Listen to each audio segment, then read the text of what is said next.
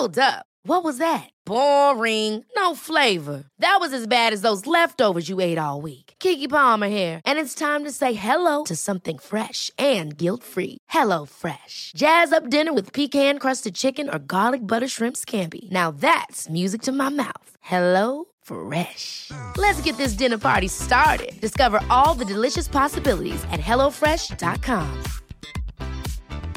Many of us have those stubborn pounds that seem impossible to lose, no matter how good we eat or how hard we work out. My solution is PlushCare. PlushCare is a leading telehealth provider with doctors who are there for you day and night to partner with you in your weight loss journey. They can prescribe FDA-approved weight loss medications like Wagovi and Zepbound for those who qualify. Plus, they accept most insurance plans. To get started, visit plushcare.com slash weight loss. That's plushcare.com slash weight loss. Many of us have those stubborn pounds that seem impossible to lose, no matter how good we eat or how hard we work out. My solution is PlushCare. PlushCare is a leading telehealth provider with doctors who are there for you day and night to partner with you in your weight loss journey. They can prescribe FDA-approved weight loss medications like Wagovi and Zepbound for those who qualify. Plus, they accept most insurance plans. To get started, visit plushcare.com slash weight loss. That's plushcare.com slash weight loss.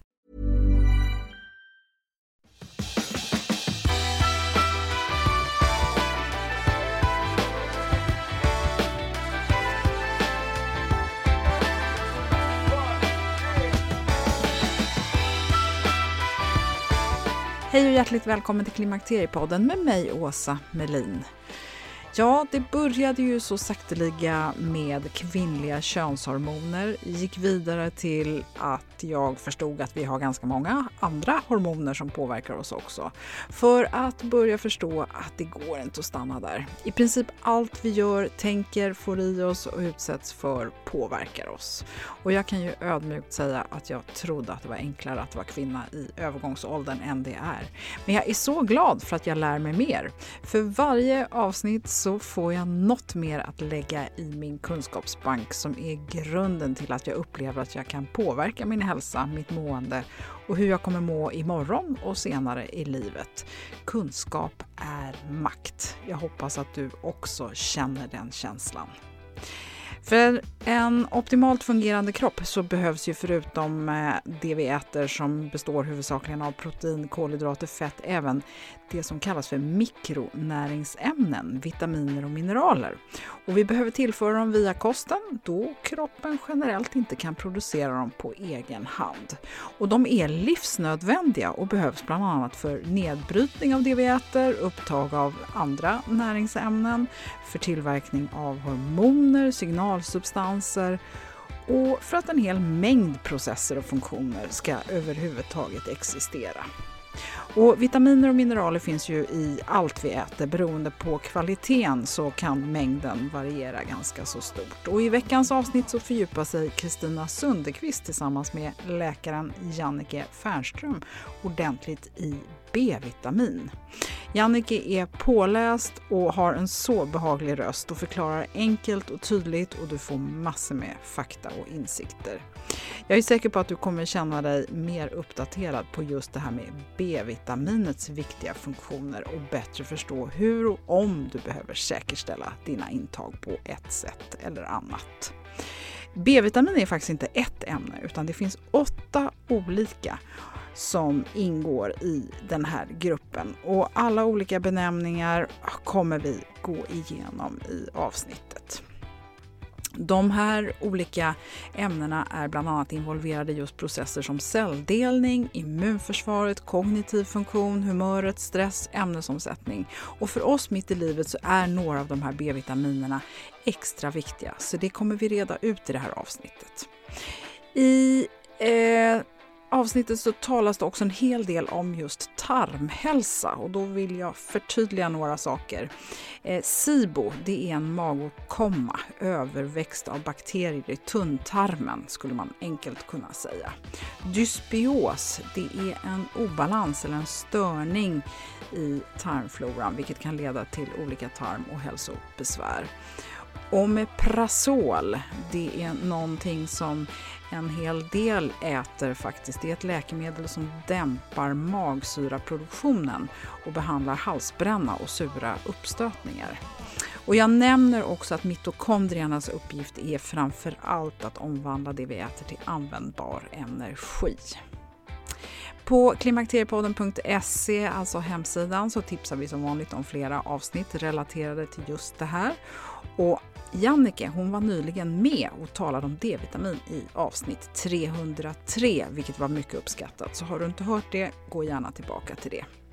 Och hur ska vi nu tänka om det här med B-vitamin? Klarar vi oss på kosten eller behöver vi ta tillskott? Vilka livsmedel innehåller de här B-vitaminerna? Och vilka riskgrupper för eventuella brister finns? Ja, huvudspåret i avsnittet är just B-vitamin, men vi kommer också in på en hel del sidospår och kopplingen mellan sköldkörteln och B-vitamin tycker jag är jätteintressant, för det vet jag berör många av er kvinnor som lyssnar. Så spetsa öronen och som vanligt så är du varmt välkommen att lyssna.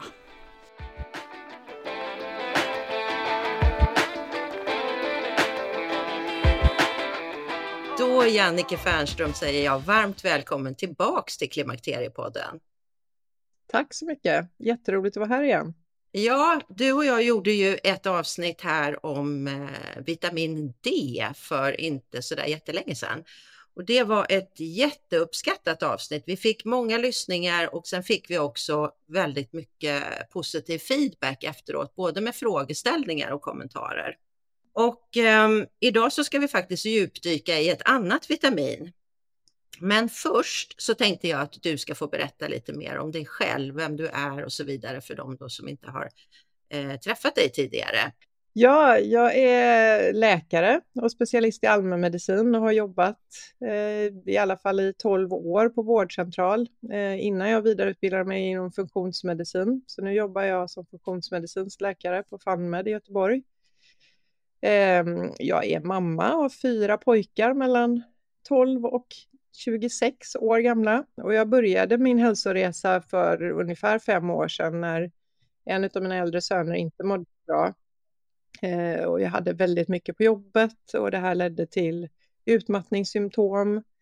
Eh, jobbade med det en hel del och gick ner i tid på jobbet. Eh, men då fick jag också en hjärnskakning. Jag ramlade när jag åkte snowboard med min äldsta son. Och då kom jag in i klimakteriet faktiskt över natten. Och så kände jag av liksom de här symptomen av klimakteriet ganska direkt efter det. Först trodde jag ju att det var hjärnskakningen bara, men jag började få svettningar och eh, alla möjliga kroppsliga problem eh, av östrogenbrist. Men det tog ett tag som sagt innan jag fattade att det var det också.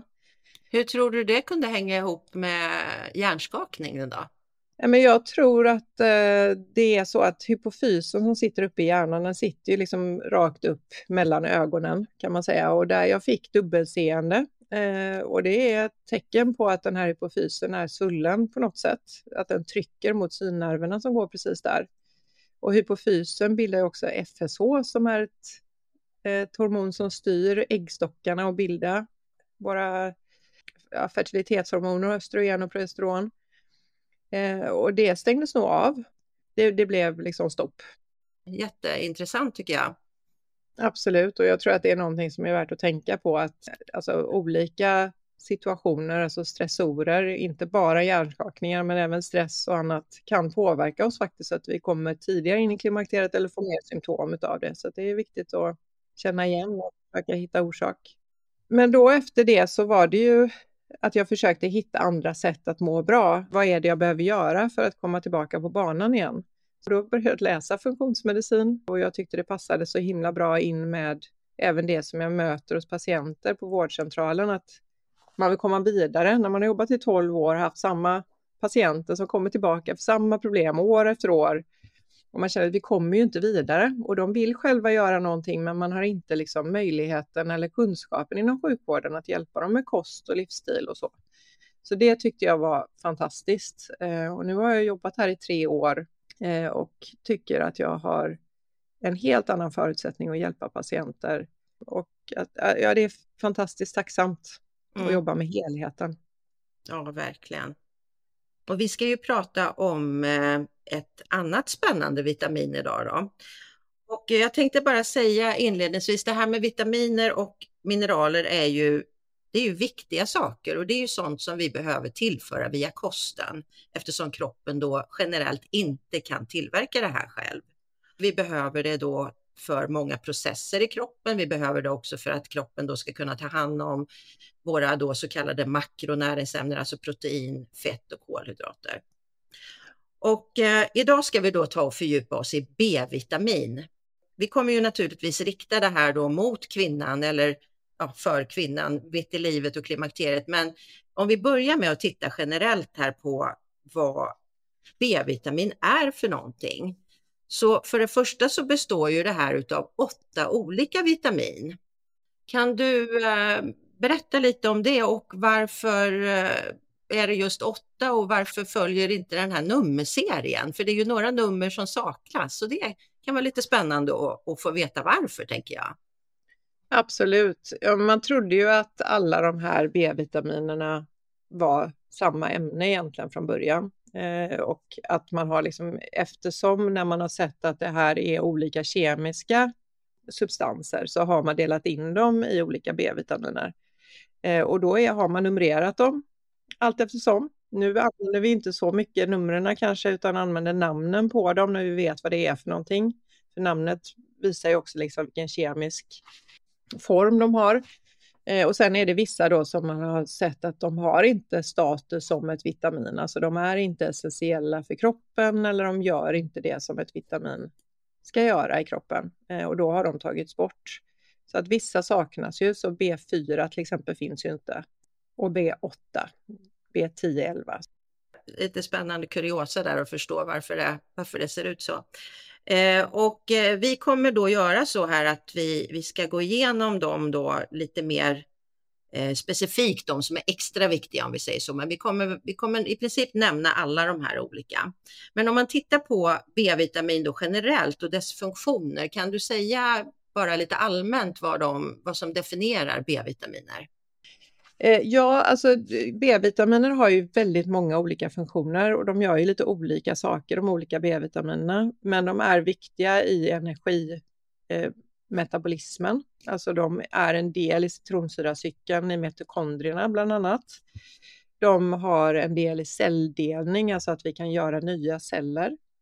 Eh, de eh, påverkar immunförsvar och mental hälsa, eh, kognitiv funktion, alltså att vi håller oss friska och pigga mentalt.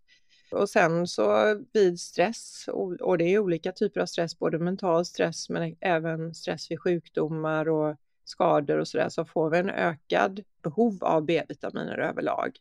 Mm. Du nämnde citronsyracykeln och mitokondrier här lite kort bara vad man kan säga att det är ju sådana saker som har med våra energi att göra. Absolut, jag brukar säga att det är våra kraftverk, mitokondrierna. I varje cell så behöver vi ju energi för att cellen ska fungera och där i mitokondrierna så finns den här citronsyracykeln eller den eh, fungerar i, i mitokondrierna och det är det som bildar energin i varje cell. Om vi då börjar titta på de här vitaminerna, B-vitaminerna då som kan vad, alltså de är viktiga allihopa, men om vi ska lyfta då de här och, och eh, titta på de som kan vara extra viktiga då för kvinnan i klimakteriet och kvinnan mitt i livet. Mm. Så vilken ska vi börja med tycker du? Ja, men vi kan ju börja med B6. Eh, den är ju inte så vanlig att vi mäter i sjukvården, men den är viktig. Eh, den behövs för vårt mentala mående. Den är involverad i att bilda signalsubstanser, alltså det som signalerar hur nerverna ska användas och, och vad, den, vad, nervsystemet ska göra. Eh, bland annat serotonin och GABA, så att det styr ju liksom måendet, humöret och sömn och avslappning och sådana saker. Och det kan då minska risken för depression om man har en bra nivå av B6 bland annat. Eh, det hjälper också bentätheten, alltså har man bra nivåer av B6 så håller man också skelettet mer intakt. Så det finns ju många vitaminer och mineraler som är involverade i det, men B6 är också en viktig del. Och då tänker jag så här att kvinnor just i klimakteriet kan ju just uppleva det här med nedstämdhet och deppighet och så. Skulle det kunna vara en brist då på B6? Ja, det ser vi ju ofta. Man kan i alla fall pröva att lägga till det under en period och se om det gör skillnad. Eh, B9 kan vi prata om också, folsyra. Eh, och det är involverat mycket i blodbildningen, alltså både röda och vita blodkroppar. Bildar nya celler överlag. Eh, och där har man ju risk att få låga värden om man äter dåligt med gröna bladgrönsaker till exempel. Det innehåller ju folsyra, som det heter också. Och gravida, har ju säkert många hört, ska ha en bra folsyrastatus för att inte få risk för missbildningar och så. Men det kan också ett, eh, ett högt intag av folsyra kan maskera låga B12-nivåer. De samverkar ju lite grann. Också viktigt för hjärt-kärlhälsan, eh, så om man vill hålla det bra så ska man ha ett bra folsyravärde. Och eh, man har också sett att det kan faktiskt reducera vallningar i klimakteriet om man har bra B9-nivåer. Mm.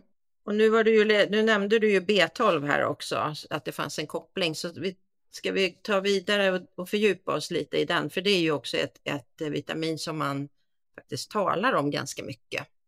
Och det är väl en av de eh, vitaminer som man oftare tar i sjukvården som på prov för att se eh, att man har bra nivåer. Och B12 finns ju endast i animaliska livsmedel så att man kan ju få brist om man inte äter animalisk kost. Och de är också väldigt viktiga i samma saker som folsyra i celldelning och bildning av röda blodkroppar. Men också för nervsystemets funktion. Och man kan ju få brist dels om man har en kost som inte innehåller animaliska eh, varor, men också om man har en brist på intrinsic factor som är ett enzym som finns i tunntarmen eller som hjäl hjälper till, finns i, i magen men hjälper till att ta upp i tunntarmen. Så där kan man ha brist på det då, eh, både genetiskt men också av olika anledningar med inflammation och sådär i magsäcken. Kan man mäta det? Det kan man mäta. Det är inte så vanligt att man gör, men det går att mäta det, absolut.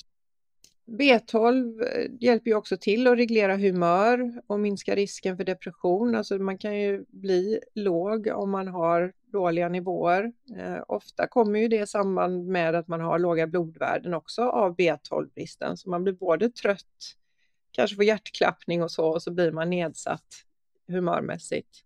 Den kognitiva funktionen i, i med det här, det hjälper till att hålla nerverna friska så kan den kognitiva funktionen gå ner om man har dåliga B12-värden.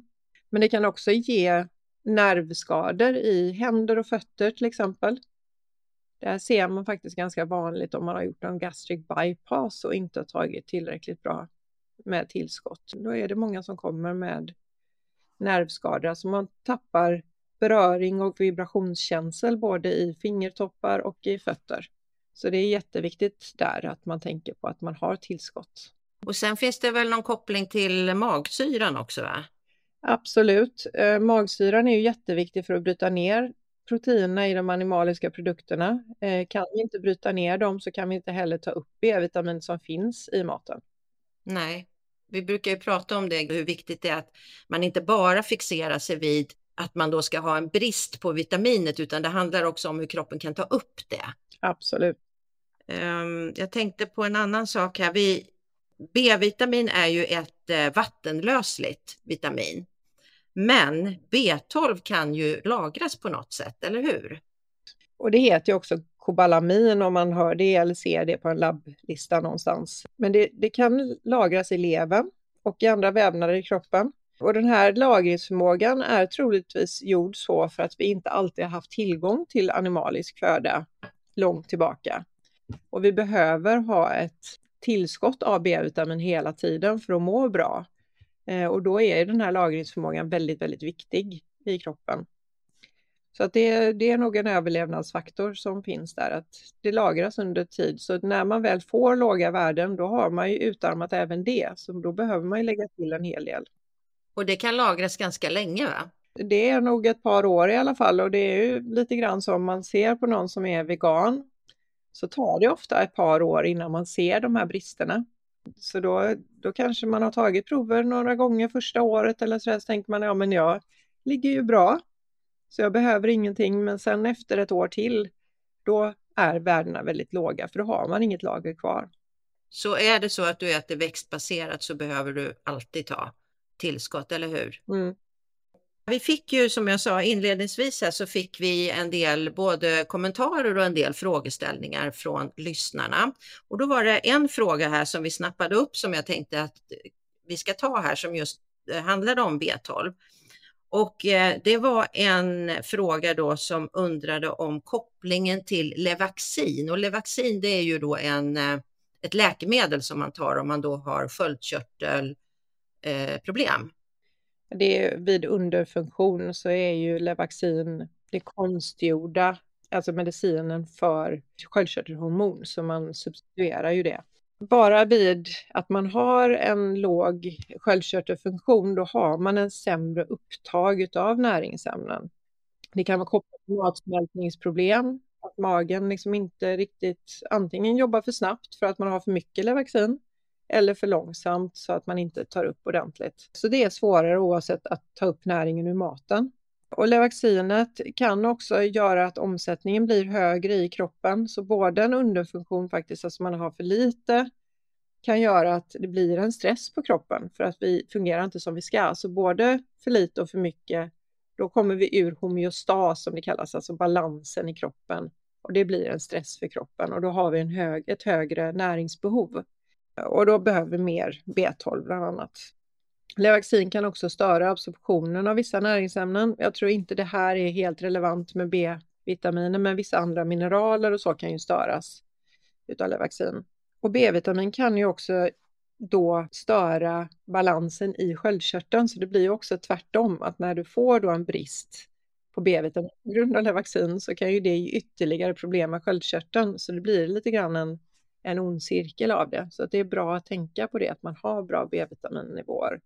Men då är det alla, alla B-vitaminer då, eller är det bara B12? Troligtvis är det i stort sett alla som vi har upp. Men B-vitamin, alltså B12 är ju ofta svårare för oss att ta upp. Alltså vi ser ju det att många har problem med det.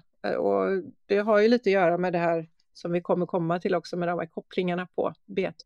Så kontentan av det här så kan man väl säga då att är det så att du då har någon sköldkörtelproblematik så ska du vara observant på dina B-vitaminer och, ja, och så kopplingen då, så då är det ju inte bara Levaxinet utan då är det liksom hela, hela kittet.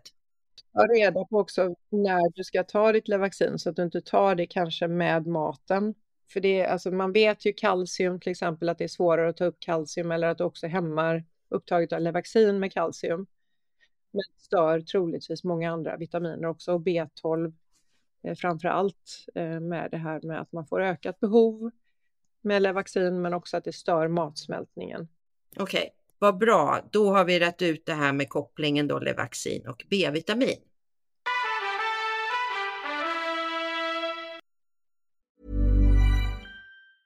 Cool fact a crocodile can't stick out its tongue. Also, you can get health insurance for a month or just under a year in some states. United Healthcare short term insurance plans, underwritten by Golden Rule Insurance Company, offer flexible, budget friendly coverage for you. Learn more at uh1.com. Quality sleep is essential. That's why the Sleep Number Smart Bed is designed for your ever evolving sleep needs. Need a bed that's firmer or softer on either side? Helps you sleep at a comfortable temperature? Sleep Number Smart Beds let you individualize your comfort so you sleep better together. JD Power ranks Sleep Number number 1 in customer satisfaction with mattresses purchased in-store. And now, save 50% on the Sleep Number limited edition Smart Bed for a limited time. For JD Power 2023 award information, visit jdpower.com/awards. Only at a Sleep Number store or sleepnumber.com. Millions of people have lost weight with personalized plans from Noom, like Evan, who can't stand salads and still lost 50 pounds. Salads, generally, for most people, are the easy button, right? For me, that wasn't an option. I never really was a salad guy. That's just not who I am. But Noom worked for me. Get your personalized plan today at Noom.com. Real Noom user compensated to provide their story. In four weeks, the typical Noom user can expect to lose one to two pounds per week. Individual results may vary. Det är härligt att klimakteriets tabu äntligen är på väg bort. Vill man försöka klara sig utan hormonbehandling så finns nu många nya kosttillskott som lovar bland annat hormonell balans och som ska stötta brister. Jag vill lyfta min räddare i nöden, Femarel. Det har inte bara varit min utan många andra kvinnors räddning i över 20 år. Och med lång tid på marknaden, med nöjda användare, dessutom med 20 forskningsstudier så vågar jag säga att det kan vara en god idé att prova Femarel. Femarel finns på apoteken och i hälsokostbutiker. Tack Femarel som varit min samarbetspartner i många år.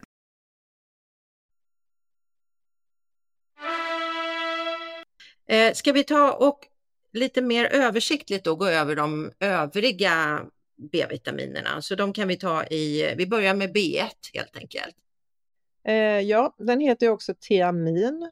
Den är ju viktig för att bibehålla energinivåer och eh, metabolisera kolhydrater. Och det kan vara viktigt under klimakteriet att man får energin av det man äter. Det är ju ett vitamin som man ser ofta kan bli lågt vid störningar i tarmen, alltså vid alkoholism till exempel. Då kan man få tiaminbrist när du har mycket problem med både maten du äter men också störningar av mag-tarmslemhinnan. B2, riboflavin, eh, den hjälper till med energiproduktion och eh, lindrar trötthet. Så det kan ju också vara ett bra vitamin och det B2 är nog om man ska säga att B6, B9 och B12 är de viktigaste så är nog B2 näst i, i turordningen vid klimakteriet. Eh, B3, niacin, kan också hjälpa att reglera blodsockervärden eh, och ha en positiv inverkan på hudhälsa. En del tar det vid träning, tycker att det känns bra, eh, att man kan få ut mer av träningen när man tar den. Troligtvis för att det hjälper till att luckra upp lite bindväv och sådana saker och man känner att man blir varm och, och får en bättre rörlighet. Eh, B5, pantonensyra, den eh, spelar en viktig roll i hormonproduktion och kan vara fördelaktig för hormonell balans. Eh, den finns i ganska mycket mat så det är sällan vi ser att det finns så stora brister på den. Så den behöver man kanske inte tänka på så mycket men det är ju bra att, att ha den, absolut. B7, biotin, eh, involverad i hårets och hudens hälsa. Eh, och det kan ju kvinnor vara medvetna om och vilja att det ska vara bra. Och det ingår också i, eller behövs också för metabolismen av fettsyror och eh, aminosyror, så nedbrytningsprodukter utav proteiner. Tarmbakterier kan i sig bilda biotin så att vi har liksom en egen tillverkning av det i kroppen. Eh, till viss del i alla fall. Sen vet jag inte riktigt om det räcker med bara det, men det finns ju i mycket av vår mat också, så det är sällan vi ser brist på det heller. En jättebra grundläggande genomgång om de här vitaminerna, men nu ska vi titta vidare här på hur vi får i oss de här. Du har redan sagt det att de finns då främst i animalier, men eh, har du någonting mer där som du vill tillägga i då hur vi får i oss de här vitaminerna? Ja, alltså det är, dels är det ju liksom maten vi äter och som du sa mest animalier, framför allt för B12 är ju det viktigt. Och där är ju olika typer av animalier innehåller olika mycket av de olika de här ämnena. Eh, men ägg, fet fisk, nötkött, fågel och gärna inälvsmat. Det innehåller ju väldigt mycket B-vitaminer och även andra antioxidanter och så som vi behöver i större mängd i klimakteriet. Eh, men det finns också till viss del spannmål och baljväxter. Om man, om man äter B-komplex så får man i sig alla de här B-vitaminerna. Eh, lite olika nivåer, så det kan ju vara bra att titta på att man får i sig framför allt de här som man behöver då. B2, B6, B9 och B12. Att det finns i bra nivåer i tillskott. Det är ju bra att tänka på. Så det finns liksom inga standardmått för det? Nej, alltså då, det är nog lite grann upp till tillverkaren och lite grann vilken målgrupp de har. För mm. det är ju liksom, är det en, gör de tillskott för trän, alltså för unga män som tränar mycket så är det ju kanske mer niacin i till exempel som de mår bra av eh, och så vidare. Och det kanske finns B-vitaminkomplex för kvinnor 50 plus till exempel. Då kanske de är mer utformade för oss. Det här med vitaminbrist då, B-vitaminbrist. Är det vanligt att man har det och varför får man det och hur kan man möta det? Ja, alltså man, det kan vara massa olika anledningar till att man har eh, B-vitaminbrist och lite grann beroende på vilken B-vitamin det är så har man ju fått brist på olika sätt. Men de stora delarna är ju kosten, eh, men också matsmältning och upptag. Alltså hur mår din magsäck, din tarm? För att en, en hälsosam tarm kan ju ta upp bättre av alla näringsämnen. Eh, om man inte har saker som ligger i vägen i tunntarmen som sibor, dysbios, svamp, annat så får man ett bättre upptag. Och även det här som jag pratade om med magsäcken, att man har magsyra, man har intrinsic factor i magsäcken och inte någon massa inflammation. Då går det lättare att bryta ner och ta upp näringsämnena. Sen är det mm, alltså kostens kvalitet är ju också viktigt. Man tänker kanske att en köttbit är en köttbit, men så är det ju tyvärr inte riktigt, utan det är alltså om man kan äta ekologiskt gräsbetat kött så är ju det mer näringsrikt än ett kött som där korna eller grisarna har stått inne i stallar och bara fått majsfoder. Det är en skillnad på det köttet. Och att man har en variation i kosten, att man även äter gröna bladgrönsaker och sådana saker för att få alla näringsämnen. Sen kan ju antinäringsämnen ställa till det, alltså sånt som vi äter både i medicinväg eh, men också alkohol, koffein, eh, annat i grönsaker till exempel som oxalater och lektiner kan störa upptaget och störa tarmhälsan. Eh, och då blir det sämre upptag. Och också att vi kanske har ett högre behov då om vi stör kroppen med gifter. Och de här ämnena då som du sa, oxalater till exempel, då, det, eller det är sådana antinutrienter och de finns ju för att de ska skydda växten att överleva. Så att när vi äter det här så kan vi ju då bli skadade av det om man säger så. Då. Så det är också en viktig grej att ta med sig tycker jag. Mm. Och där är det ju liksom att man får läsa på hur ska man göra, hur ska man blötlägga, hur ska man laga till, hur ska man liksom variera med olika typer av kost så man får det bästa och inte för mycket av något ämne. För lite grann tål vi ju, men inte för mycket.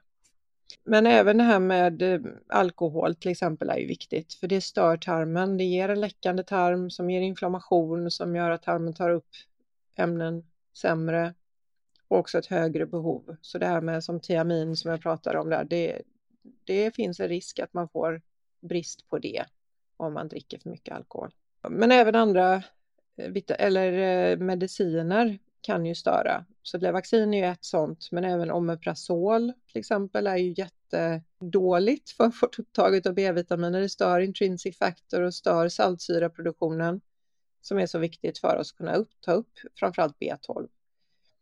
Så det är viktigt också att tänka på att man mediciner är ju viktiga i många lägen, men att man håller det till så lite som möjligt och att man är medveten om riskerna med det man tar. Ja, och sen så har vi olika förutsättningar eh, så att vi har olika typer av gener och förutsättningar och det här som med intrinsic factor, man kan ju ha en atrofisk gastrit som kan vara ärftlig till exempel eller som en del av en autoimmun sjukdom. Och det kan ju vara genetiskt. Och vad är det för sjukdom? Det är ju att man har en slemhinna i magsäcken som blir inflammerad eh, och då liksom tillbakabildas så att man får ingen tillverkning av det här intrinsic factor. Och då har man ju mer eller mindre en, alltså om det är en genetisk defekt som man har haft med sig hela livet, då har man ju ett jättedåligt upptag av B12. Men även alltså gastriter, alltså magkatarrer av andra anledningar både själva katarren i sig men också de här medicinerna som man ofta använder, de stör också upptaget. Ja, och det gäller ju inte bara B-vitamin då som vi redan har varit inne på, utan det är ju allting. Mm. Vi fortsätter här och tittar lite grann här på det här med B-vitamin. Blir det ökad risk för att man får brist utav de här eh, vitaminerna när man blir äldre?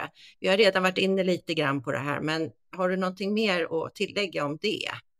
Men lite grann samma saker som vi sa sist med D-vitamin, att man har en ökad stress på kroppen, att den oxidativa stressen går upp vid ökad ålder och då behöver man mer näringsämnen för att hålla kroppen i balans. Sen är det ju många äldre, nu menar inte jag liksom precis när man kommer in i klimakteriet, men senare i livet så har många en sämre kosthållning Man kanske inte orkar handla lika mycket eller laga mat lika mycket och sådär. Och då får man ju lätt brister. Man får ju mer och mer mediciner ofta när man blir äldre och det stör upptaget och det håller också igång hela omsättningen i kroppen på ett annat sätt. Mm. Och magsyraproduktionen har vi ju också där som blir sämre. Ja. Så då kan man säga att, eh, att det här blir viktigare med åldern helt enkelt, att vi tittar på våra B-vitaminer. Absolut. Finns det någon skillnad där mellan kvinnor och män? Ja, det finns en viss skillnad, men det är ju framför allt under fertil ålder att det finns en skillnad. Det har att göra med våra upp och nedgångar i hormoner, eh, att vi har en ökad omsättning av våra könshormoner då, eh, att vi ska bryta ner östrogen som blir över efter eh, i varje cykel. Och sen också vid graviditet och så där att vi behöver bilda nya blodkroppar och, och hela den biten och mer energi. Eh, så då har vi ett ökat behov. Men jag kan tänka mig också att under, om man tar tillskott av östrogen så får man ju lite grann här, samma process. Så att även efter klimakteriet kan det vara så att man har en ökat, ett ökat behov jämfört med män. För att du ska ta hand om det här.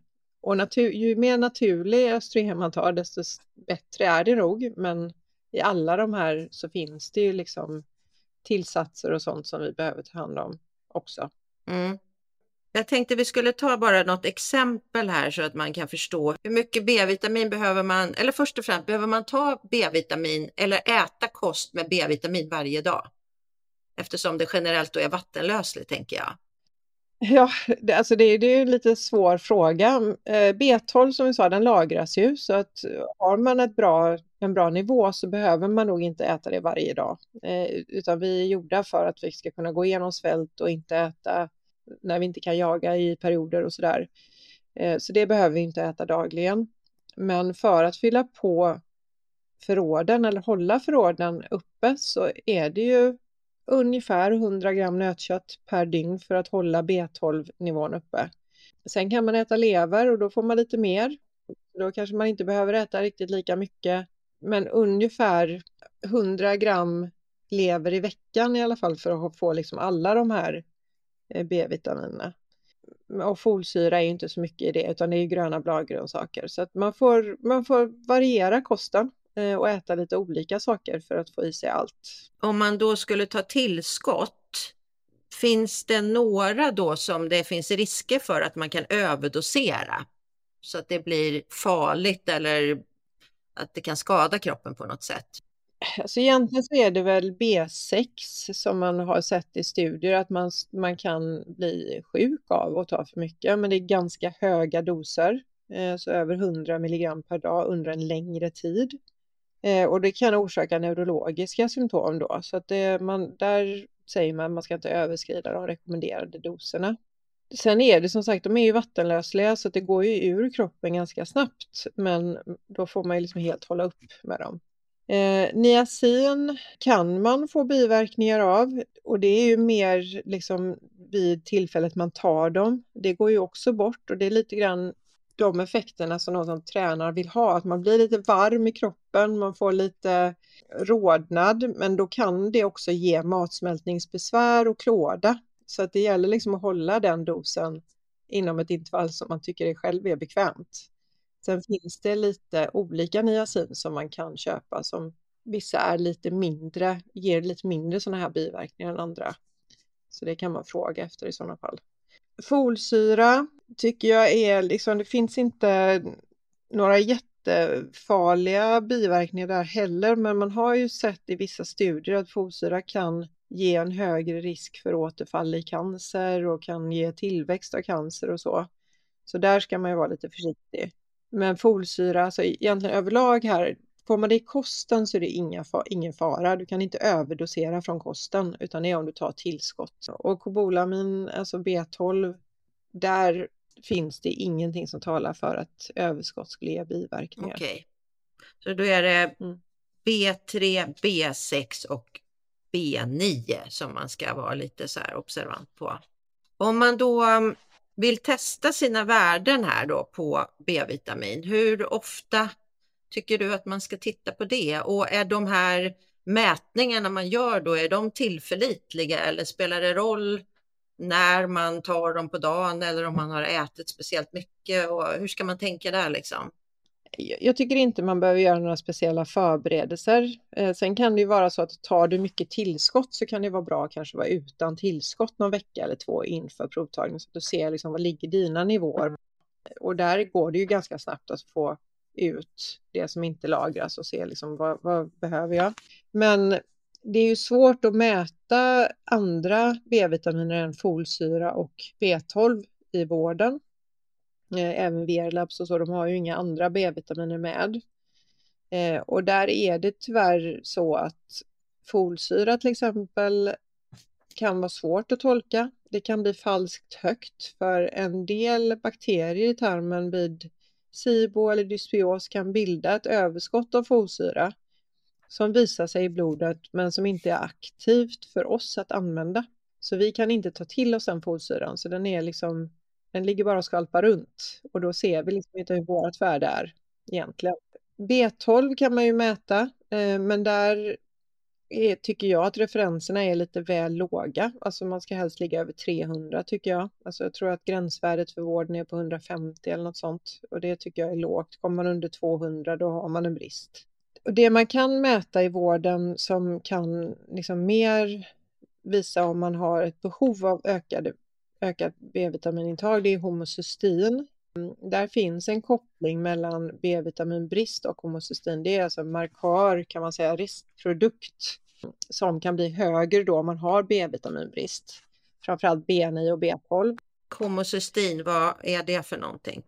Ja, det, det är en nedbrytningsprodukt utav framför allt folsyra eh, och den visar också på oxidativ stress och det här hör ihop. Så har du låga B-vitaminvärden så får du ofta en ökad oxidativ stress, att kroppen klarar inte riktigt av att ta hand om gamla sjuka celler, gifter som frisätts när vi liksom bryter ner. Eh, kroppen har ju en omsättning hela tiden. Vi bygger nya celler och gamla rensas bort.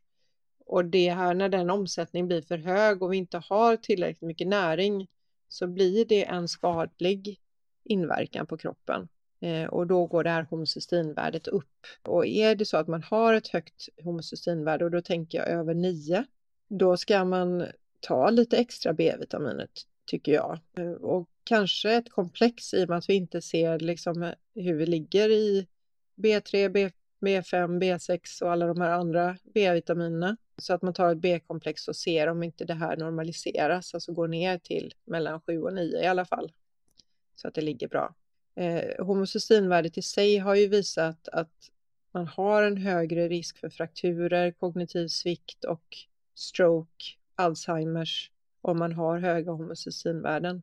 Så det är värt att försöka få ner. Metylmalonat är också ett värde som man kan ta. Eh, det talar mer för B12 brist specifikt ofta så tar de inte det inom vården för båda de här värdena är lite dyrare. Och det finns inte med på blod, blodpanel heller om du går till de här stora labben? Homocystein är jag ganska säker finns med. Jo, men den finns med, men den här metylmalonat? Jag tror inte den finns med, men den går ju att ta både i vården och säkert genom Verlabs också. Mm. Men jag tycker homocystein är det som är viktigast. Hur har vi det med riskgrupper då för um just B-vitaminbrist. Vi har ju varit inne på B12 här och om du, är, om du äter växtbaserat, mm. men är det någonting generellt mer som vi ska lyfta där tycker du när man pratar riskgrupper? Ja, alltså som jag sa, vegetarianer och veganer, de har ju problem om man inte äter något animaliskt överhuvudtaget. Får man inte i sig någon B12. Eh, så det är jätteviktigt att man har tillskott av det och gärna ett B-komplex. Folsyra kanske man får i sig, men det finns ju även de som är veganer som inte kanske äter så mycket bladgrönsaker. De äter mest bönor och, och tofu och sådana saker. Och då kan man få folsyrabrist också. Så det är viktigt att kolla.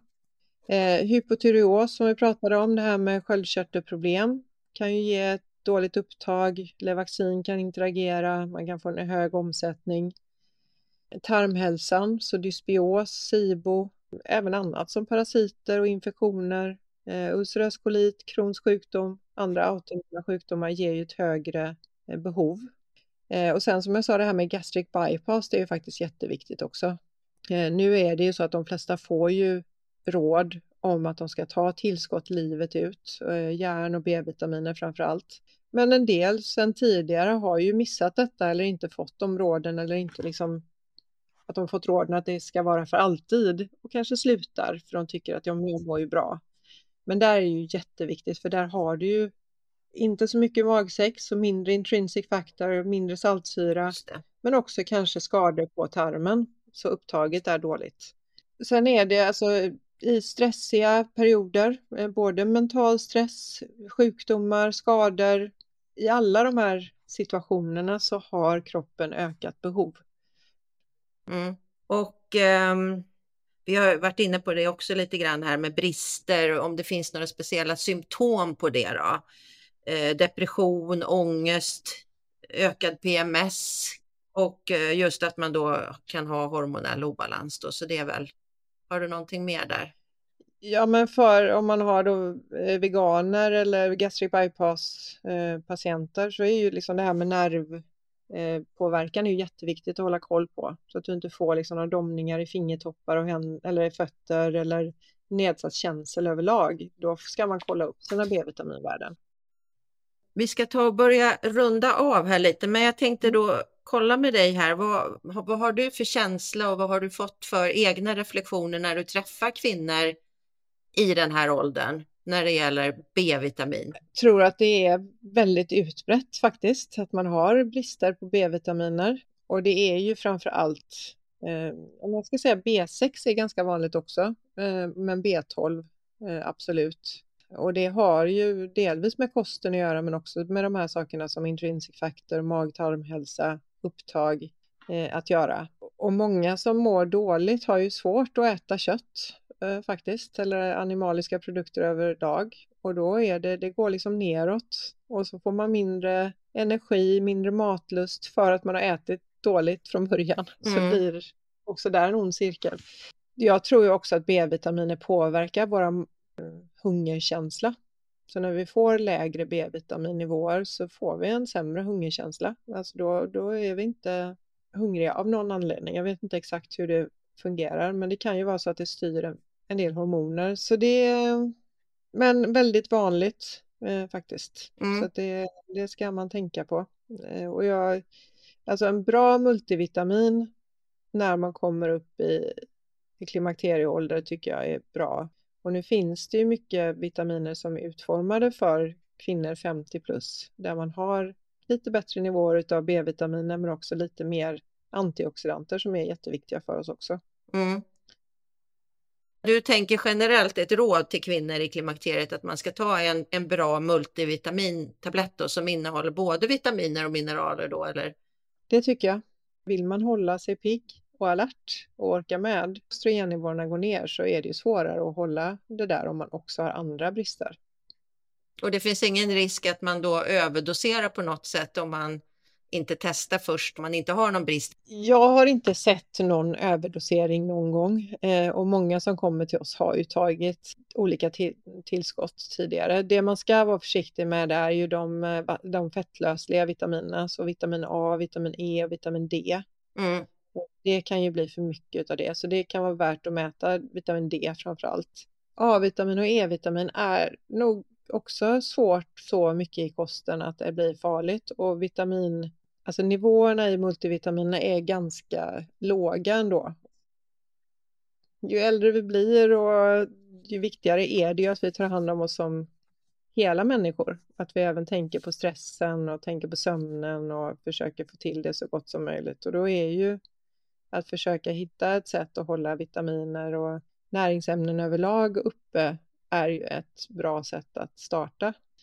Eh, för har vi bra näringsnivåer så har vi också eh, lättare att få till bra sömn och orka med träning och också komma ner i varv för att sova. Just det. Ja, men vad bra Jannike. Då tackar jag för din tid idag här och jättemycket värdefull och bra information om B-vitamin och så gjorde vi några sidospår också. Men eh, jättestort tack för att du ville vara med i podden en gång till. Tack så mycket, det var jätteroligt.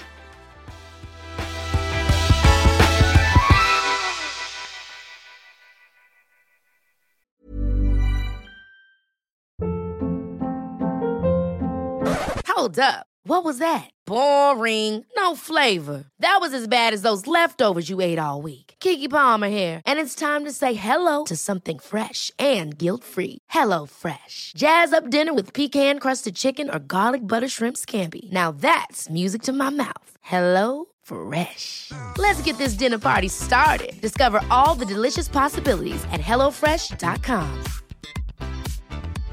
Imagine the softest sheets you've ever felt. Now imagine them getting even softer over time. That's what you'll feel with Bowl and Branch's organic cotton sheets. In a recent customer survey, 96% replied that Bowl and Branch sheets get softer with every wash. Start getting your best night's sleep in these sheets that get softer and softer for years to come. Try their sheets with a 30-night guarantee. Plus, get 15% off your first order at bowlandbranch.com. Code BUTTERY. Exclusions apply. See site for details.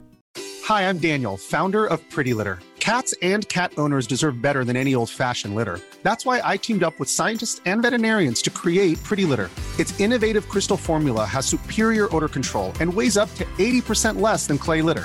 Pretty Litter even monitors health by changing colors to help detect early signs of potential illness. It's the world's smartest kitty litter. Go to prettylitter.com and use code ACAST for 20% off your first order and a free cat toy. Terms and conditions apply. See site for details.